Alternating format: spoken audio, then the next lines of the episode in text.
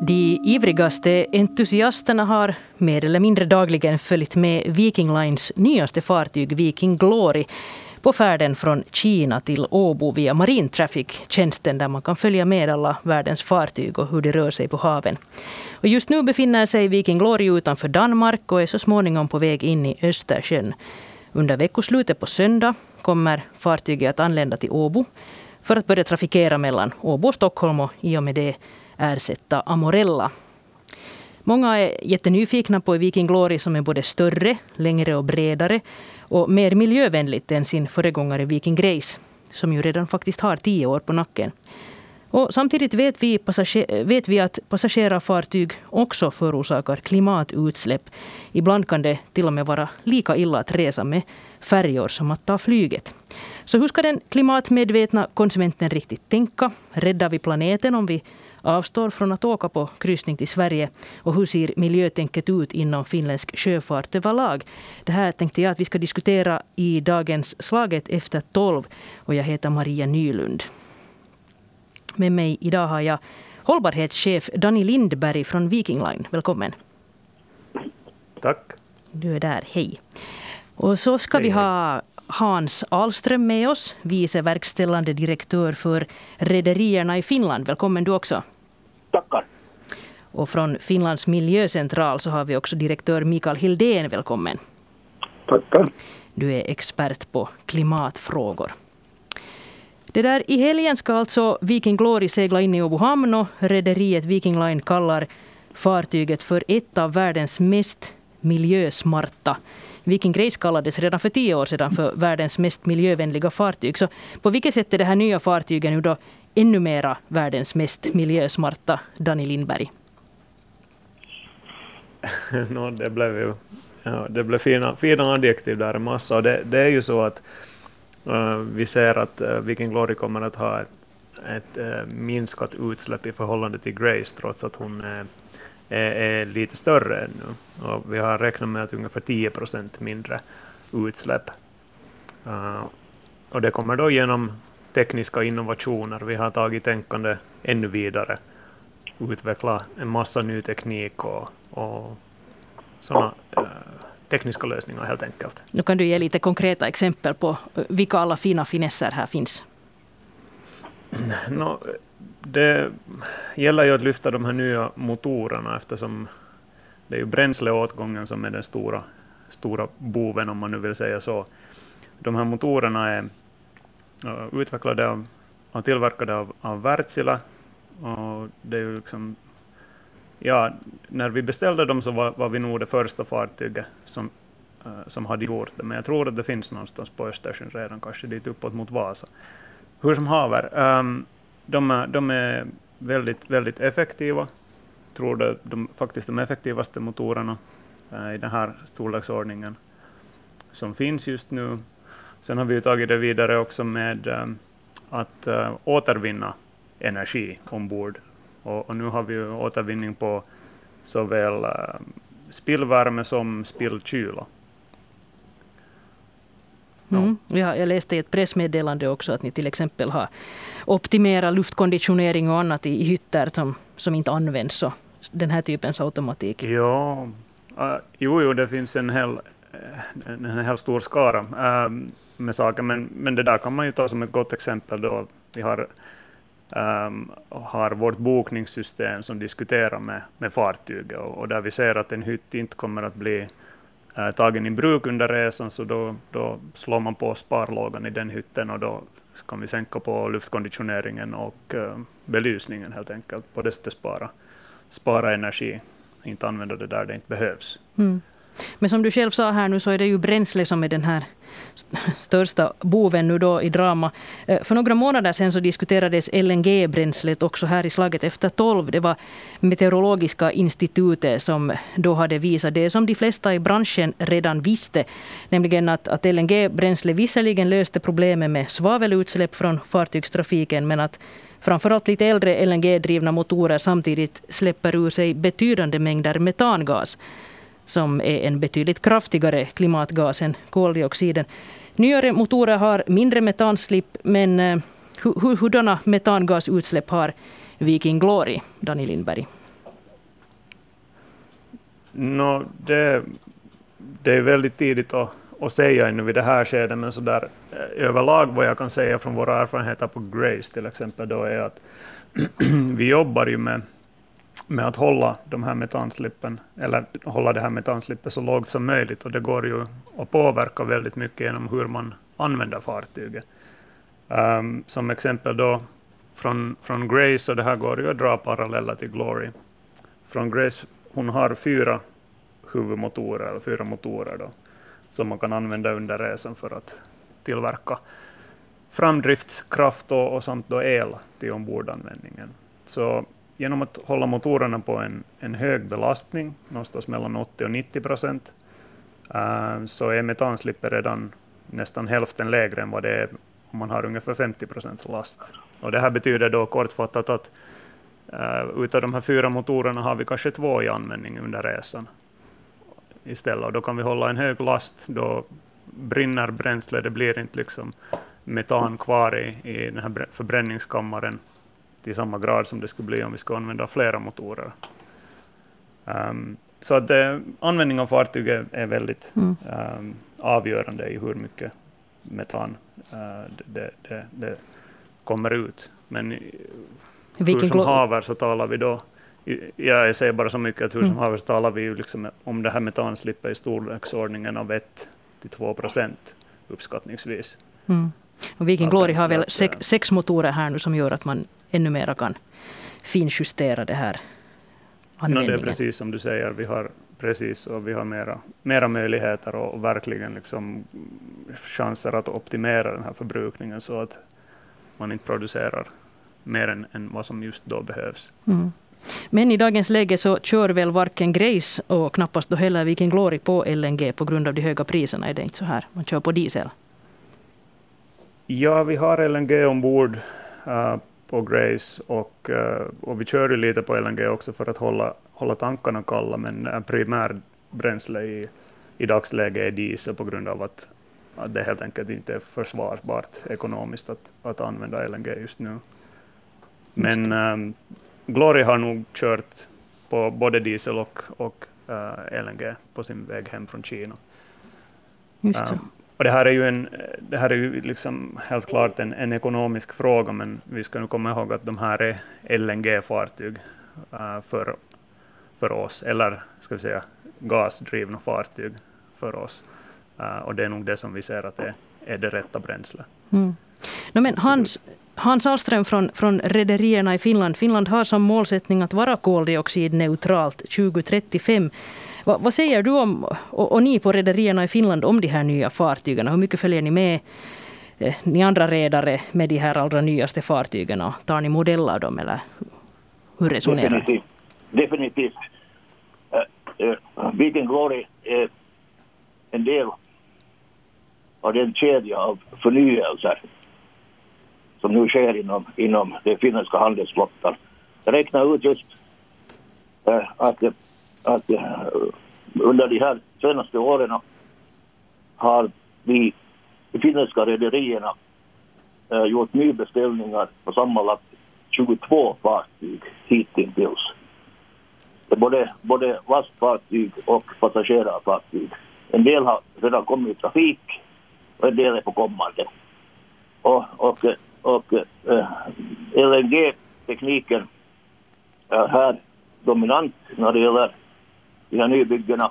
Men även annan miljö, modern miljöteknologi eh, kommer att bli fartyg att utrustas med. Så det, det pågår nu en förnyelse och alla de här fartygen som nu har kommit och, och kommande, de här nybyggena, så de kommer att placeras i, i Finlands utrikestrafik sköta både passagerartrafiken och lasttrafiken. Mm. I hurdant skick är det nuvarande tonnage eh, som trafikerar på Östersjön just liksom med tanke på miljön? Det börjar vara ganska ålderstigna fartyg säkert. No, när det gäller det finländska tonnaget, vad heter både under finsk och annan flagg, eh, det, det är modernt och på, på bra nivå. Det här miljöarbetet är ju inte något nytt inslag i, inom rederinäringen Det har pågått i eh, årtionden.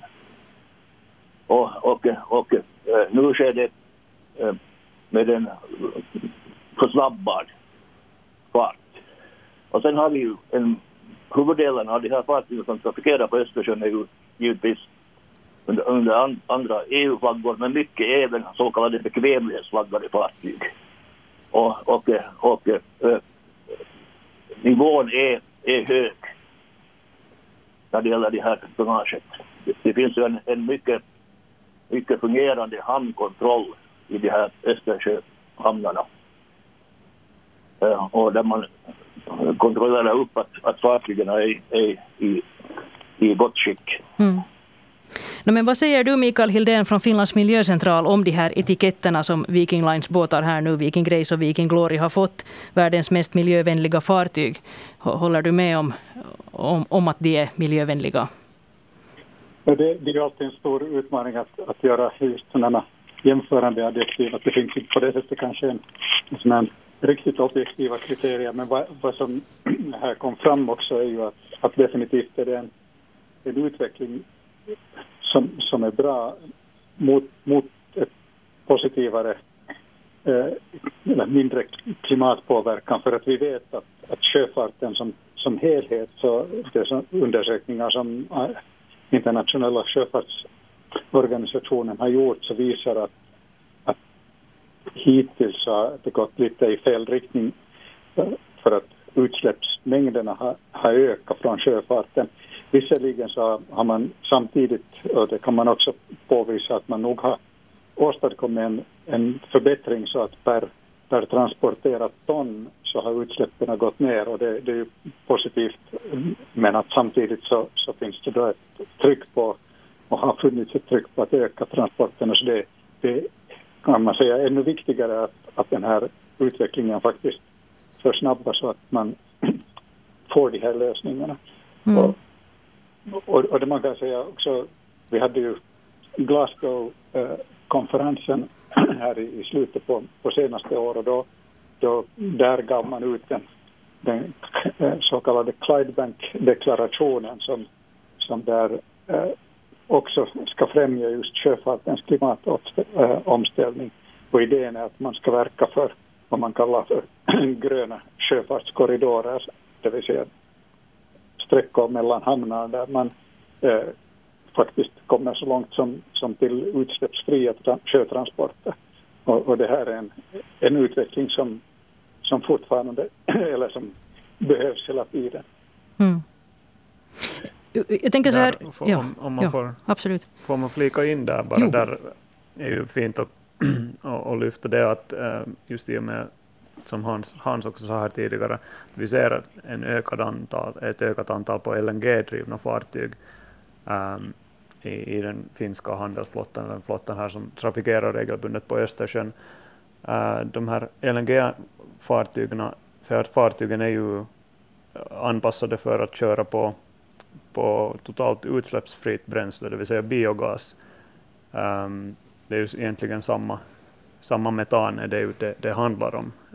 Um, och, och, har vi möjlighet att tanka biogas eller då till exempel något syntetiskt framkallat uh, inom den närmsta framtiden, så, så kommer vi verkligen att ha möjlighet att bedriva en kolneutral neutral trafik. Mm. Det, det. Där kan man kanske fortsätta att just att, att som, som det kom fram också att det, det är långt en ekonomisk fråga och där det då är det, det viktiga är just det här eh, incitamenten att man prissätter utsläpp av, av koldioxid och att de då får till exempel via de här hamn och farledsavgifter och sånt som, som kan ge eh, stöd för, för de som är, är faktiskt de här ehm, med, på det sättet framstegsvänliga och ta fram de här nya, nya teknikerna för att i början så är det klart att, att vi tenderar att vara dyrare och det blir en, en ekonomisk tröskel. Mm.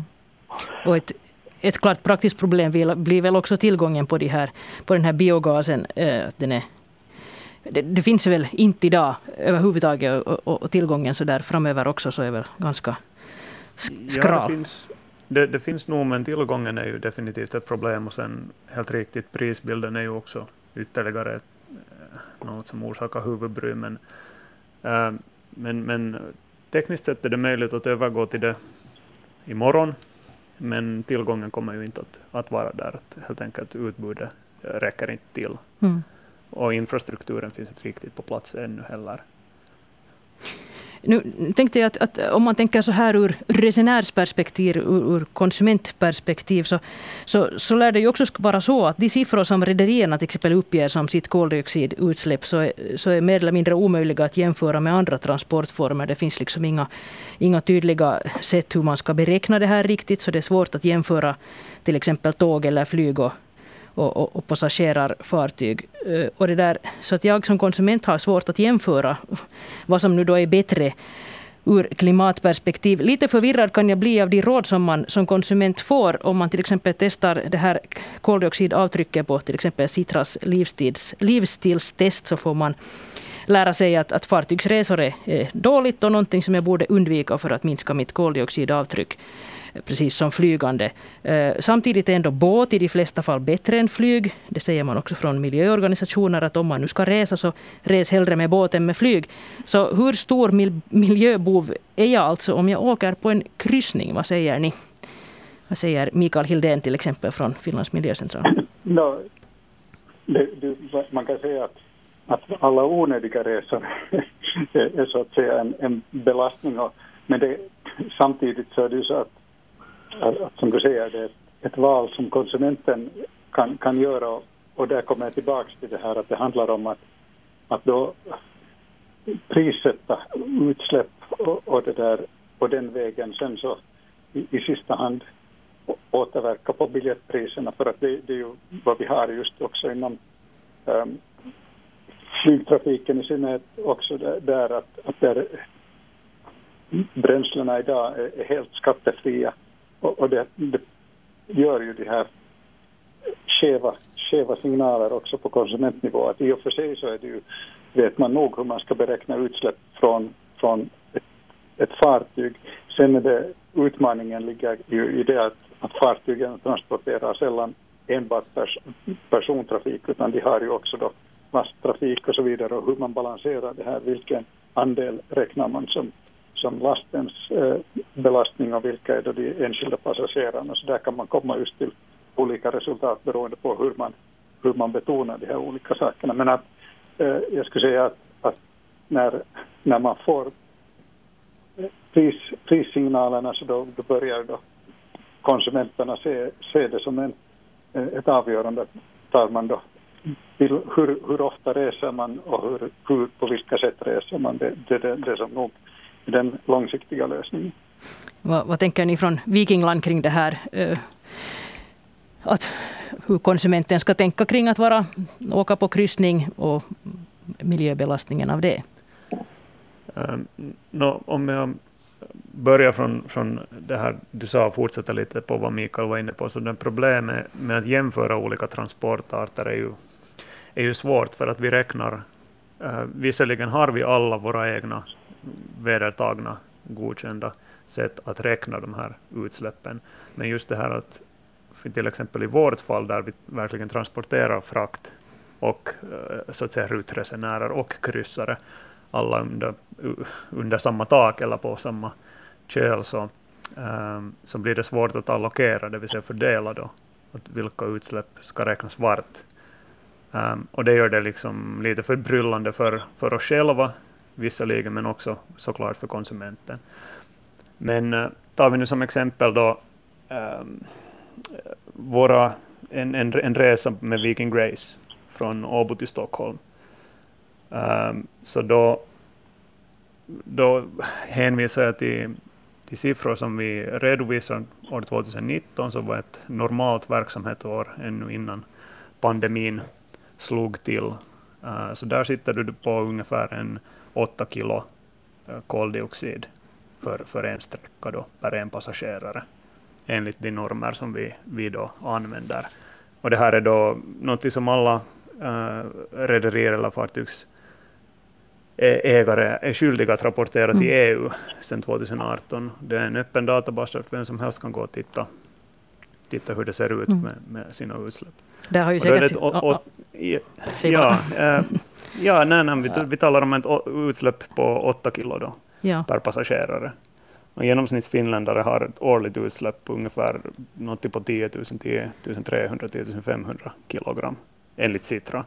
Mm. Um, så i förhållande till det så är det här 8 kilo inte i mitt tycke alldeles galet. Om jag får flika in här.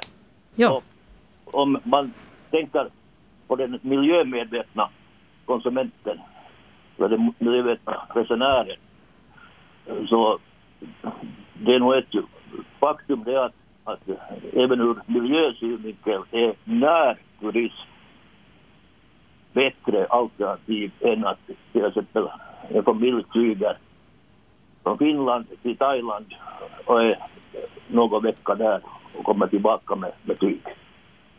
Och, och, och jag menar med att, att om man tittar på, på turismens utveckling, trenderna, så det är just det här att man allt mer upptäcker eh, närområden. Det kan vara andra länder och, och, och, eller områden inom det egna landet. Och mm. det, det är ett faktum att det här är ett miljövänligare alternativ att till exempel ta färjan från Åbo via Åland till Stockholm och sen ta fast tåget från Stockholm ner mot via, via Danmark mot Europa. Vi som har tid för det. Så det, det här är ju det här framtidens melodi. Mm. Närsjöfart, närturism. Ja, en, en, en Östersjöorganisation gav tipset om att, att, att har man tänkt resa till Sverige så ska man ta tåget till Åbo och åka därifrån till Stockholm. Det är liksom det mest miljövänliga man då kan göra. Men, men det här med åtta kilo eh, det där koldioxidutsläpp på en resa till Sverige, det har väl säkert att göra med hur man beräknar att den här frakten också, eh, hur stor andel som, som då liksom eh, hör till den här fraktsidan eftersom passagerar fartygen sköter en stor del av frakten. Kan du, Hans Ahlström från rederierna i Finland, eh, så här i ett nötskal berätta hur mycket frakt som sköts av de här passagerarfartygen mellan export och import från Finland? Ja, det, det är uppseendeväckande stora andelar av Finlands utrikeshandel som transporteras eh, på, på passagerarbilfärjorna. Om man tänker överlag på, på det att att över 80 procent av Finlands utrikeshandel, både exporten och importen, sker på fartyg. Så vi är, Finland är en ö och vi är helt beroende av sjötransporter. Det finns inte ett alternativ. Eh, och, och, om man tittar på färjorna eh, så eh, det baserar sig på utredningar från, från tullen och kommunikationsministeriet. Eh, så på färjorna transporteras ju inte något pappersrullar eller cellulosa eller eh, metallprodukter. Utan det är styckegods. Eh, allt från mat till läkemedel som kommer eh, med, med färjorna. Och, eh, och av Finlands export av styckegods så transporteras över 60 procent på våra passagerarbilfärjor på bildäck. Alltså det är rullande eh, mm. last. Och, och av importen av styckegods till Finland där ingår som jag sa till mat och huvuddelen av läkemedlen som kommer till Finland kommer med färjorna. Så där är det 50 procent.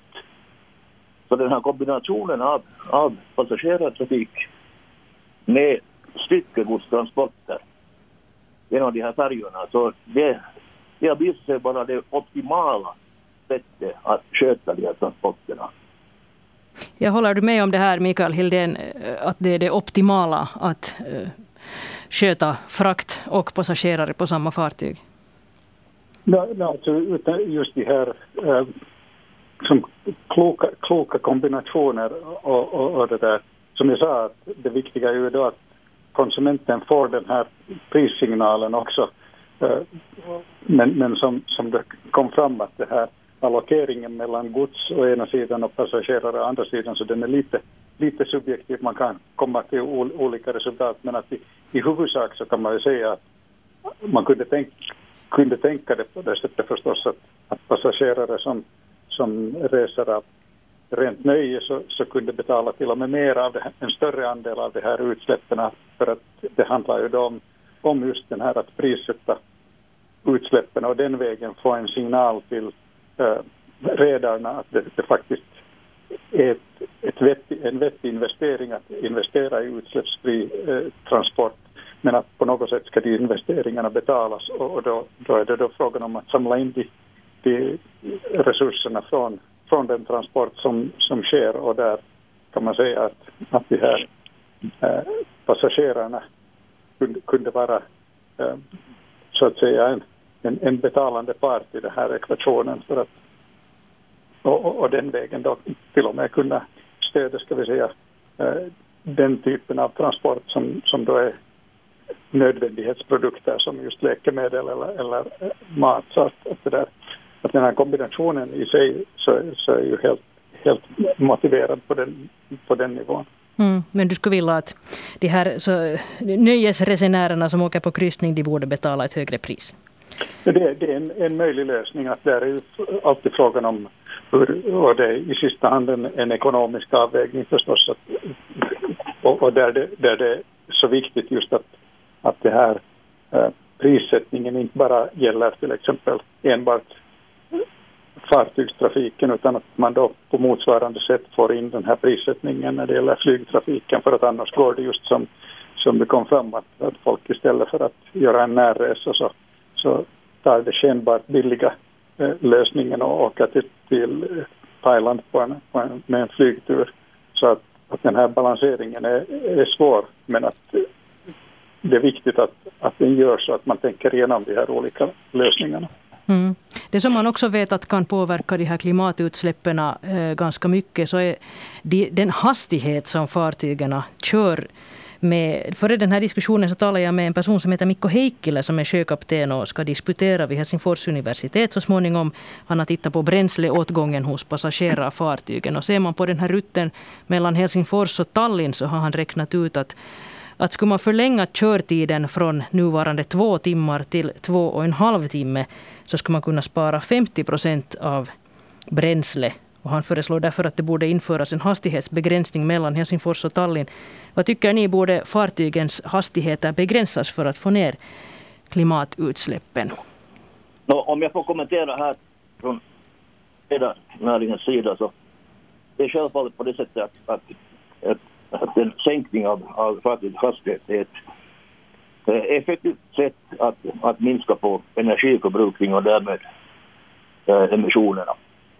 Men eh, eh, en sänkning av hastigheten passar inte liksom genomgående på alla trafikområden. Om man tittar på, på den finländska eh, utrikeshandels sjötransporter eh, så huvuddelen av våra fartyg eh, nu tar jag både lastfartygen och, och passagerarfartygen som transporterar eh, last. Så de går i en regelbunden tidtabellsenlig linjetrafik. Och, och den här har utvecklats på, på önskemål från, från industrin och näringslivet i land där leveranserna bygger på, på just in time. Och, och, och den här tidtabellsenliga trafiken är en viktig del av, av eh, logistiken när det gäller Finland och omvärlden. Och, och, men det är självfallet på det sättet att, att energiförbrukningen för rederierna och fartygen eh, där är man, har man hela tiden och fortsättningsvis kommer att kontrollera och jaga ner de här kostnaderna. Därför att det är ju dyrt. Mm med energi. Och, och, och, men det finns andra sätt utöver en hastighetsbegränsning. Och sen har vi ju det här, om vi tittar på färjorna ännu, eh, så, så till exempel Åbo-trafiken, Nordendalstrafiken, mycket livliga hamnar båda två. De går ju både genom Åbolands skärgård, Ålands skärgård och sen Stockholms skärgård. Så där kan man ju inte ens köra med några höga hastigheter. Men man måste ha en sån hastighet som eh, garanterar att du kan styra fartyget. Mm. Pro och, och sen har vi sådana trafikområden, nu fast Nordatlanten, där, där hastigheten är, är inte så central. Där är det alldeles klart att man kommer att sänka hastigheterna framöver. Mm. Men det kommer ju att förlängningen innebära det med att, att äh, äh, om man sänker hastigheten, till exempel lasttrafiken globalt, så äh, mängden gods kommer ju ändå att öka, tror jag. När ekonomin utvecklas. Så det innebär då att, att man behöver mera fartyg. Mm. Och, och, och vad heter det? Och, och sen har vi en annan utvecklingstrend som EU-kommissionen eh, driver med fas. Och det är det att man inom EU allt mer ska flytta över lasttransporterna från vägarna till sjövägarna. Mm, så att sjötrafiken och, och, ökar? Ja, och, det, och EU-kommissionen anser att, att, att sjötransporterna är det eh, ett miljövänligare transportsätt än de här vägnätena och gummihjulstrafiken i landet. Mm. No, men eh, det som, när du nämner EU här så är det ju faktiskt på kommande nya direktiv från EUs sida gällande sjöfart och klimat. Eh, I fortsättningen kommer koldioxid och också metanutsläppen att räknas som utsläpp, klimatutsläpp och, och utsläppshandeln ska också börja gälla inom sjöfarten. En stor, hur stor förändring tror ni att det här kommer att medföra? Kommer det att sätta fart på miljöåtgärder inom sjöfarten? Vad, vad tror du, Daniel Lindberg? Ja, det är helt klart, eh, som jag ser det från min sida, att det kommer att sätta fart och en enorm press på, på, på varven och, och rederierna att anpassa sig till de här kraven, för vi kommer ju att se markant ökande kostnader till, till en följd av detta. Vi talar, talar bara i, i vår storleks, storleksordning så handlar det om miljoner, om inte tiotals miljoner. Vad, vad är det som kommer ökade att, driftskostnader. Precis, vad är det som kommer att, att hända rent konkret när man inför utsläppshandel och, och ja, det blir dyrare att, att trafikera? No, för, för, att, ja, för att få det i ett nötskal så kommer det ju då att, att komma en äh, det, det så kallade utsläppsrättshandel som man då betalar för varje äh, ton koldioxid äh, som verksamheten släpper ut. Och, och då tanken då från EUs sida att, att eh, det finns en, en viss kapacitet för utsläpp i, i början när man inför det här systemet och så, så sänks den där kapaciteten hela tiden gradvis, vilket betyder då att det blir dyrare och dyrare ju längre mot eh, de här mot 2030, 2050 vi går, så kommer det att bli dyrare att förorena.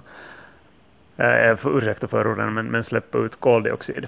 Um, och, och då är det ju i varje aktörs intresse att minimera sina utsläpp för att slippa, slippa den här notan då helt enkelt. Mm. Så att det blir nog en stor omställning.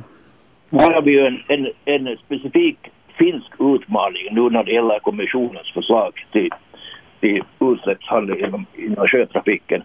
Och det, gäller, och det gäller vår vintersjöfart.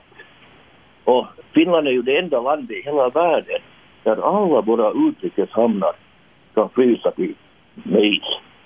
Och det har, det har lett till det att, att till exempel över 90 procent av den finländska handelsfartygsflottan är byggda i de två högsta isklasserna. Det innebär att för att du ska kunna gå i is eh, så måste du ha eh, starkare motorer och därmed är bränsleåtgången högre och sen måste fartyget till sin konstruktion vara mycket kraftigt byggt. Vilket gör det tyngre, tyngre och även det kräver då mera maskineffekter. Och, och, och äh, ifall man inte nu får äh, beaktat de här finländska vintersjöförhållandena i kommissionsförslag, vilket vi hoppas, och det driver ju den finska regeringen nu med kraft, att det måste beaktas. Eh, så då blir det än dyrare för Finland. Mm. Här, här kan man kanske komma med två, två äh, kommentarer. Det ena är just det här att den här själva principen med, med utsläppsrätter är bra. Vi har sett hur det har utvecklats inom den landbaserade industrin där det länge hade utsläppsrätten egentligen ingen betydelse prismässigt medan de senaste två åren så har det då stigit där man verkligen har dels lärt sig systemet och dels eh, medvetet förbättrade så att det faktiskt ger den här prissignalen för att bara, bara formellt ha en utsläppshandel där, där priserna är väldigt låga så kan vara bra för att köra in det här systemet om man övar upp eh, färdigheterna hur det fungerar och, och det ger en, förstås en, en framtidssignal så det är en sak. Och den andra är det att, att sen är det viktigt att komma ihåg att den här den, den gynnar föregångare eftersom utsläppsrätterna också kan säljas så att ett, ett rederi som då lyckas få ner sina utsläppsrätter snabbt så kan sälja de överloppsrätterna till de, de rederier som är långsammare och på det sättet tjäna på affären. Så att där finns liksom ett dubbelt, en, en dubbelsignal på den ekonomiska sidan. Och sen mm. den här med, med vintersjöfartskostnaderna så det är gjort en del studier som nog indikerar att, att de, de visserligen finns där men att de är kanske inte så stora att det, att det dramatiskt skulle förändra hela den här logiken men att om det finns ändå, vi har också i det landbaserade utsläppsrättssystemet så finns det olika typer av, av lättnader som har byggts in för specialförhållanden. Så att det, det, finns den möjligheten nog för att så att säga skapa den här rättvisa, rättvisa fördelningen. Att inte någon blir oskäligt lidande av, av ett system. Mm inom bilindustrin så har man ju sett en viss sån här imagemässig tävlan om vem som har de mest ambitiösa målsättningarna. Eh, då, och det där, eh, att man helt frångår fossildrivna motorer inom, inom bara några år. Eh, och Maersk har ju då på sjöfartssidan lovat att vara klimatneutrala till år 2050 så kanske vi så småningom ser en liknande utveckling där också med tanke på det du Mikael Hildén var inne på. Nu är det tyvärr så att vår tid tog slut. Här blev mycket osagt. Vi får kanske skäl att återkomma. Vi avslutar dagens Slaget efter tolv här. Tusen tack till er som var med. Hans Ahlström från Rederierna i Finland, Dani Lindberg från Viking Line och Mikael Hildén från Finlands miljöcentral. Jag heter Maria Nylund.